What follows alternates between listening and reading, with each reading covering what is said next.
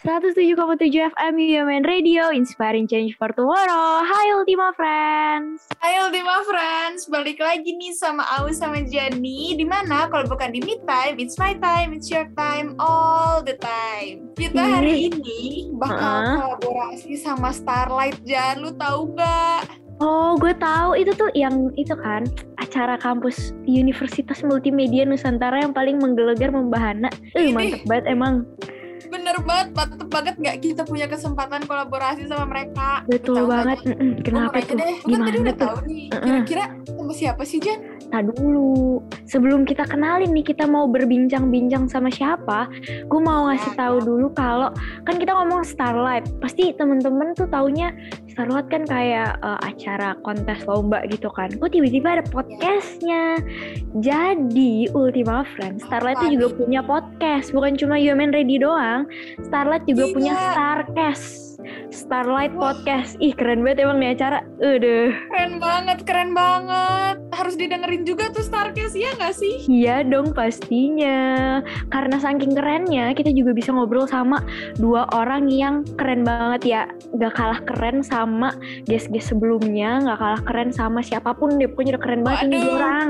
Penasaran banget gue Jan, siapa Jan? Coba langsung aja spill dong. Jadi karena kita lagi collab nih. Wih collab keren banget gak sih kita collab sama Starlight. Eh, sama Starcast, kita tuh bakal ngomongin soal bakat gitu dan kita bakal ngobrol-ngobrol sama dua orang yang berbakat banget pokoknya. Nih dua orang kalau udah ngomongin soal bakat udah tiga jempol dah. Udah, udah Audrey sama Jani mah udah lewat ya ngomongin soal bakat. Nggak ada bakat kita ya Jan ya. Nggak ada, bukan lewat lagi. Emang nggak ada bakat kita berdua, Nggak jadi ada. kita undang orang lain aja. kita Coba langsung siapa Jan? panggil aja kali ya, Au.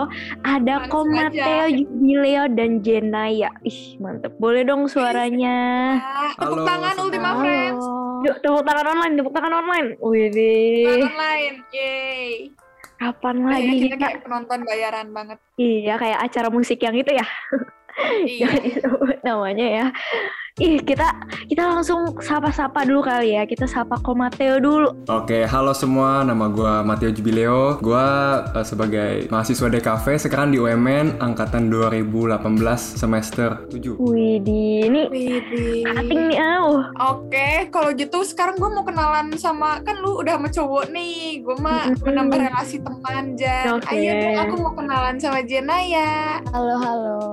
Kenalan dulu, nama gue Jenaya Graziela Lun, biasa dipanggil Jena. Uh, gue sekarang di UMN itu angkatan 2020 jurusan Desain Komunikasi Visual. Salam kenal. Halo Jena, anak Halo, DKV. Nih. Dari dari jurusannya sih terlihat sangat seni ya Jan ya. Oke, kita ya. ya maklumin ya Komateo sama Jenaya baru mungkin kalian baru pertama kali denger jurusan seni banget itu dari Audrey nggak apa-apa ya. Oh ya maaf ya. Dia Maaf banyak ya. suku bahasa baru gitu dari Audrey. Iya, emang Dulu. kaya gitu bahasanya. Mm, kayak raya banget soal soal bahasa.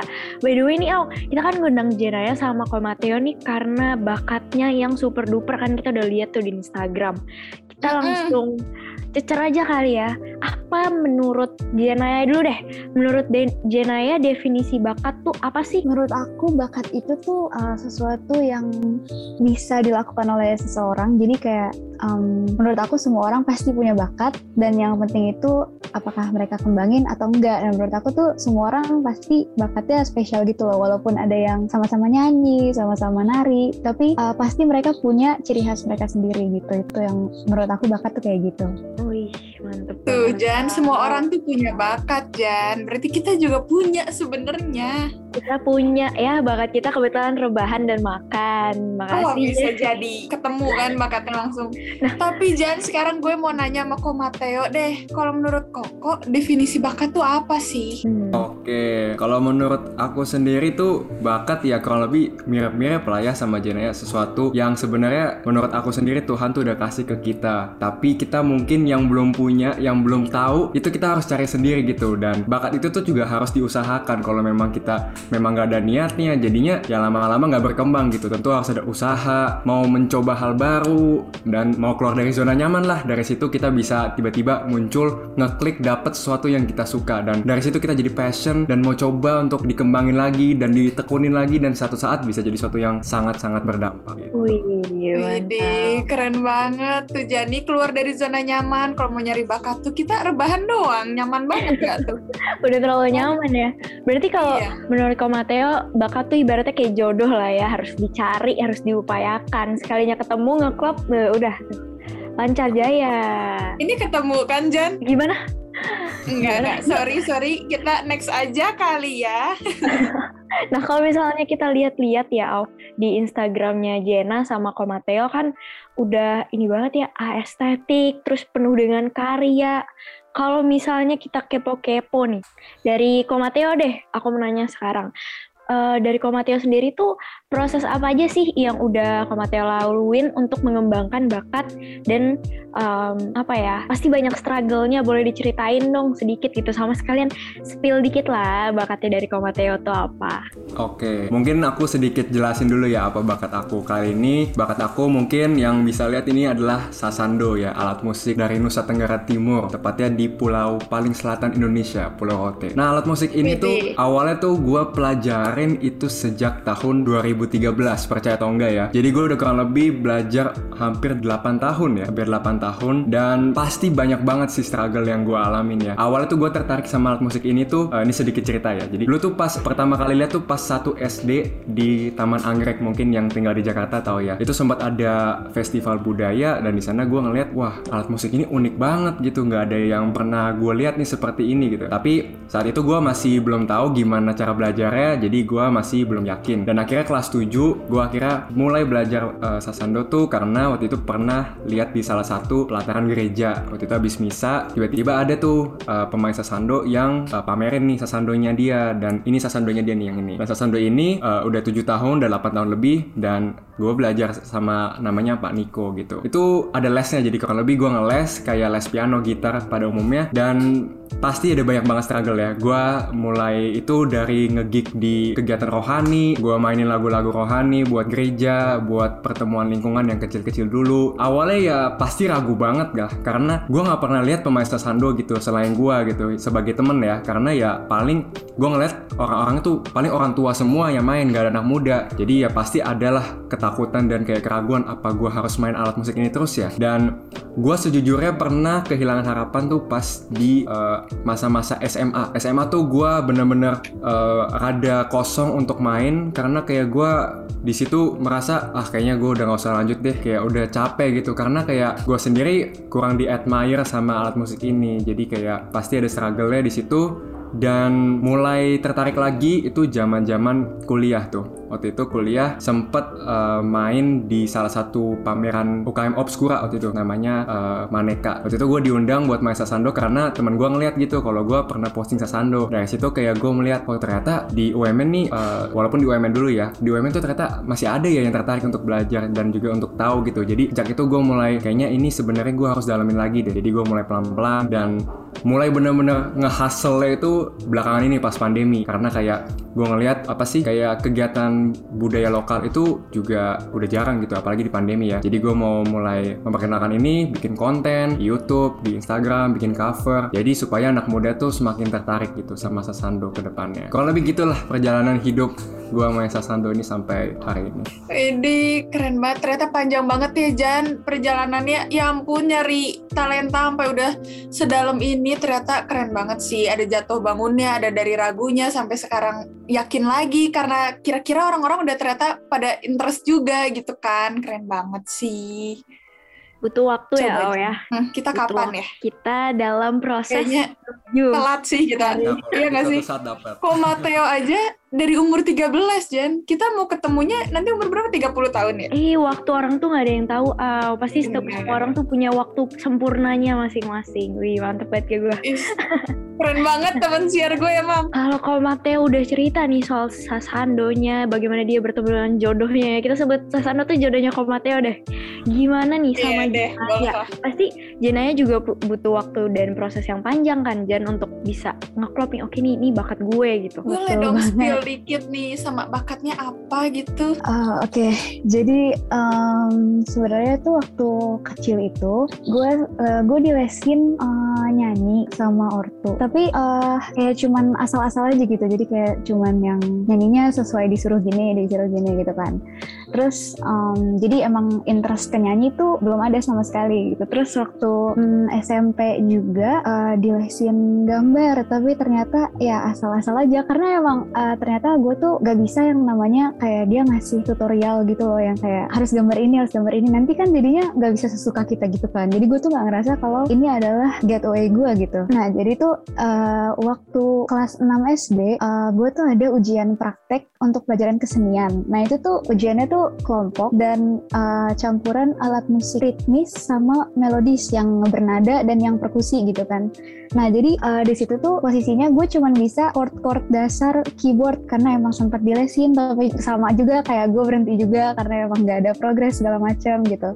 Jadi di situ gue pakai uh, untuk main keyboardnya dan ternyata um, kelompok gue itu udah ter, uh, udah daftarin duluan pakai gitar. Jadi uh, karena bisa masih nambah lagi gue mau nambahin pakai keyboard gitu kan. Ternyata temen gue yang udah bilang dia mau pakai gitar itu dia ternyata eh, nggak uh, bisa. Jadi dia bilang kayak kayaknya gitar tuh gampang tapi dia nggak bisa. Terus gue panik dong karena kan udah kayak uh, udah didaftarin dia pakai gitar. Terus gue harus apa? Akhirnya um, gue belajar. Jadi kebetulan emang uh, keluarga gue itu pada suka main musik kan. Jadi uh, untuk chord-chord biasa mungkin gue juga kayak waktu itu ngerasa kayak impossible banget dah kalau misalnya ya dalam waktu dua minggu seminggu gitu masa belajar belajar gitu kan. Terus akhirnya gue cobalah gue tanya ke papa gue gitu kayak e, pak ini gimana ya kalau misalnya harus belajar gitar gitu? Akhirnya uh, papa gue bilang kayak ya udah kamu mau lagu apa? Terus uh, belajar chordnya dulu yang simple gimana. Akhirnya waktu itu gue belajar chord uh, G C sama D itu buat lagu uh, buat lagu rohani kayaknya waktu itu di sekolah. Terus dan akhirnya ternyata bisa. Terus gue ngerasa kayak wah seru juga nih kayaknya kalau misalkan bisa belajar gitar gitu kan. Terus ya udah. Tapi ternyata pas uh, SMP itu gue kayak mulai bingung juga kayak kemarin gue belajar karena gue ada ujian gitu terus kayak gimana gimana sih caranya belajar sendiri kayak gue gue selama ini dilesin gue nggak pernah kayak nyoba belajar sendiri gitu Nah, akhirnya pas di SMP itu ada ternyata guru les nyanyi gue waktu gue TK itu ngajar di SMP gue. Terus dia kayak, lah gitu. nah, di situ tuh dia uh, mulai kayak ada eskul kesenian segala macam tuh dia ajak. Terus diajak juga lomba vokal grup diajak lomba nyanyi. Dan di situ gue diajarin yang namanya nyanyi seriosa yang nyanyi um, apa di opera. Terus um, akhirnya selama tiga tahun gue nyanyi kayak gitu. Terus nyanyi solo vokal juga yang suaranya harus bulat segala macam. Tapi um, maksudnya gue enjoy banget di situ. Gue seneng karena gue juga ada eskul gitar. Ternyata di situ uh, bisa nge-explore banyak banget. Dan gue senang banget tuh bisa belajar sendiri juga dari YouTube. Uh, tapi setelah itu tuh gue masih ngerasa kayak gue belum bebas kayak gue gue nggak bisa kan gue nggak bisa ke mana-mana kayak uh, gue nyanyi seriosa atau gimana gitu karena emang uh, gue bukan yang apa ya bukan yang panggungnya di situ gitu kan. Jadi uh, mulailah pas SMA gue mulai belajar kayak nyari chord sendiri tuh caranya gimana terus kayak uh, buat bikin bikin melodi di gitar gimana buat main keyboard juga gue coba-coba setiap kali ada chord baru gue cari di Google terus gue mainin gitu. Terus uh, itu juga buat ngelengkapin buat bantu gue nyanyi gitu kan. Sampai akhirnya gue kenal sama uh, bukan kenal sih kayak gue denger orang-orang yang nyanyi kayak dengan cara mereka sendiri gitu. Setelah itu kan banyak nih yang upload di Instagram kayak banyak yang cover segala macem gitu. Nah gue tuh lihat kayak mereka punya style sendiri gitu. Terus akhirnya gue kayak kalau gitu gue coba explore. Karena um, kalau gue ngerasa nggak nyaman dengan cara gue nyanyi ya gue nggak akan nyaman seterusnya gitu kan. Jadi gue coba explore gue coba explore. Dan ternyata apa yang tadinya gue kira gue harus nge-please orang yang denger gue juga terus ternyata lebih enak ya kalau misalkan gue nyanyi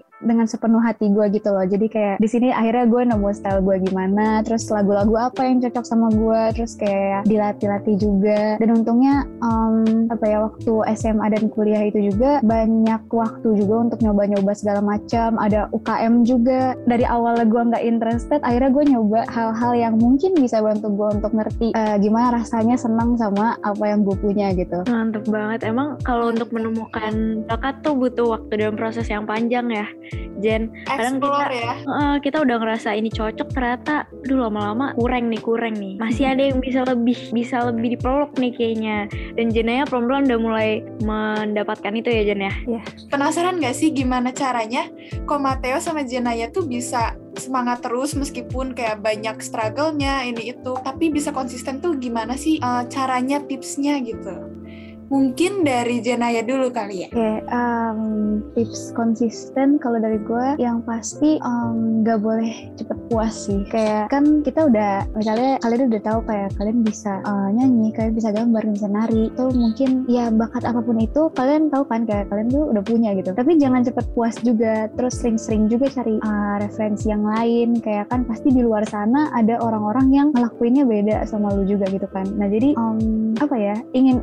ada rasa ingin berkembang dan jangan cepat puas sih. Kalau dari gue gitu sih. Hmm, setuju setuju banget. Kalau misalnya kalau Mateo nih, gimana caranya tetap semangat dan mempertahankan cintanya kepada Sasando? Oke, oh ini pertanyaannya menarik sih. Aku sendiri ya, ini pribadi, aku tuh dulu pas awal main tuh tetap motivasi karena memang ada dimulai dari lingkungan kecil lah, dari keluarga pada mendukung, puji Tuhan pada mendukung semua, pada uh, mau support aku untuk main alat musik ini, terus mulai berkembang lagi ke lingkungan gereja, setelah itu ke komunitas dan juga ke, ke teman-teman. Dan setiap kali aku misalkan feel down dan feel capek gitu, Aku selalu mikir kalau sebenarnya tuh kalau udah bisa main sasando itu udah sebuah warisan gitu. Karena sasando ini kan memang gak banyak orang yang bisa main. Dan juga dengan kita bisa main itu itu udah membuktikan kalau lu tuh udah komit mau mencoba untuk melestarikan budaya Indonesia. Dan dari situ gue ngeliat kalau misalkan memang bener-bener gue tekunin terus siapa tahu gue bisa semakin uh, dikenal dan juga sasando tentunya semakin banyak peminatnya. Dari situ motivasinya tuh ada gitu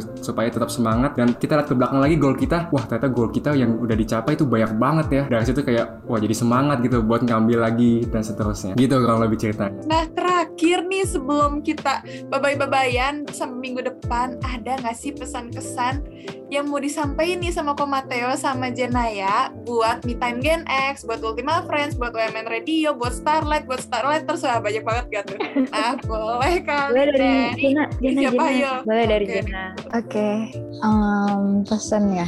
Kalau buat semuanya sih, gue mau bilang um, what you have is a part of you. Jadi kayak jangan sekali-sekali kalian kayak ya gue bisa ya gini doang gitu. Gue juga mau nyampein nih buat uh, Au sama Jani. Kan kalian mungkin secara nggak sadar kalian uh, kalian itu tuh ada bakat guys. Kalian tuh bakatnya adalah jadi uh, pembicara di sini. Jadi uh, host kita di sini. Karena kayak nggak semua orang itu bisa buat ngomong selancar itu di depan orang lain gitu kan. Jadi kayak itu tuh bisa kalian anggap sebagai bakat kalian. Dan um, pesan gue ya apa ya jaga itu gitu loh. Karena uh, kalian udah punya itu, jangan lupa untuk dijaga, jangan lupa untuk diasah terus. Jangan apa ya, jangan sia-siakan kesempatan yang kalian dapat gitu. Wih, makasih Jena. Tuh, aw, kita disemangatin Iya. sama Jena. Kita harus semangat. Makasih Ternyata ya Jena. berbicara ini adalah bakat saya. Terima kasih Jenaya sudah menyadarkannya. Kalau dari Koteo nih, eh Koteo, Ko Mateo kurang nggak? Akrab banget nih. Tiba-tiba Kira-kira nggak eh, pakai mak. Iya maaf ya Ko Mateo. Gak apa-apa. Oke, uh, salah satu hal yang bisa gue kasih, find what you do best secepatnya sih. Karena yang udah disampaikan sama Jenaya juga, hal yang sebenarnya mungkin sepele gitu, tapi kita suka, itu sebenarnya mungkin sesuatu bakat yang sebenarnya butuh dikembangin gitu. Jadi uh, mungkin mumpung masih ada waktu ya, ya dimanfaatkanlah dengan baik gitu. Karena kalau lu masih bangun pagi hari dan lu masih bisa uh, hidup hari ini sebenarnya Tuhan punya rencana gitu. Kalau lu tuh sebenarnya mungkin ada bakat atau mungkin ada sesuatu yang pengen dilakukan cuma Tuhan tuh belum kasih tahu aja gitu. Jadi do what you do best mantep tuh Aw. Segitu aja kali ya dari Jenny, dari Aw, dari Jena sama Ko Mateo buat minggu ini. Buat Ultima Friends nih yang pengen ngedengerin Me Time ada siaran tiap hari apa aja sih Aw? setiap hari Rabu jam 12 sampai dengan jam 3 dan jangan lupa juga kita juga ada podcastnya ya Jan ya jadi yang kelewat nih jam 12 sampai jam 3 lagi sibuk langsung cus aja ke You Podcast ya UMN Radio di Spotify terus Asik bisa juga banget. kepoin kita di Instagramnya at UMN Radio kalau Starlight gimana Jan? Betul banget. Nah, dari tadi kan kita juga udah sebut-sebut nih Starlight, Starlight. Jadi buat teman-teman semua, kalian langsung kepoin aja ke Instagramnya di @starlightumn. Tapi kita belum ngasih tahu nih buat Ultima Friends dan Starlighters yang ada di luar Tangerang yang nggak bisa dengerin Me Time di 107,7 FM. Tenang aja karena kalian bisa dengerin Me Time siaran di radio.umn.ac.id. mungkin segitu aja kali ya Au. Gue mau nge-stalk IG-nya Starlight dulu nih, pengen cari-cari. Oke, Gue boleh. pengen bikin bakat apa ya Starlight gitu. Gue juga ikutan, gue mau daftar. Jadi mending kita langsung ketemu lagi minggu depan kali ya Jan ya. Boleh banget. Mungkin uh, segitu aja. Jangan lupa jaga kesehatan. Ini minggu UTS juga buat Ultima Friends sama Starlighters. Semangat ya. Thank you, Ko. Mateo. Thank you, Jena. Dadah. Bye-bye.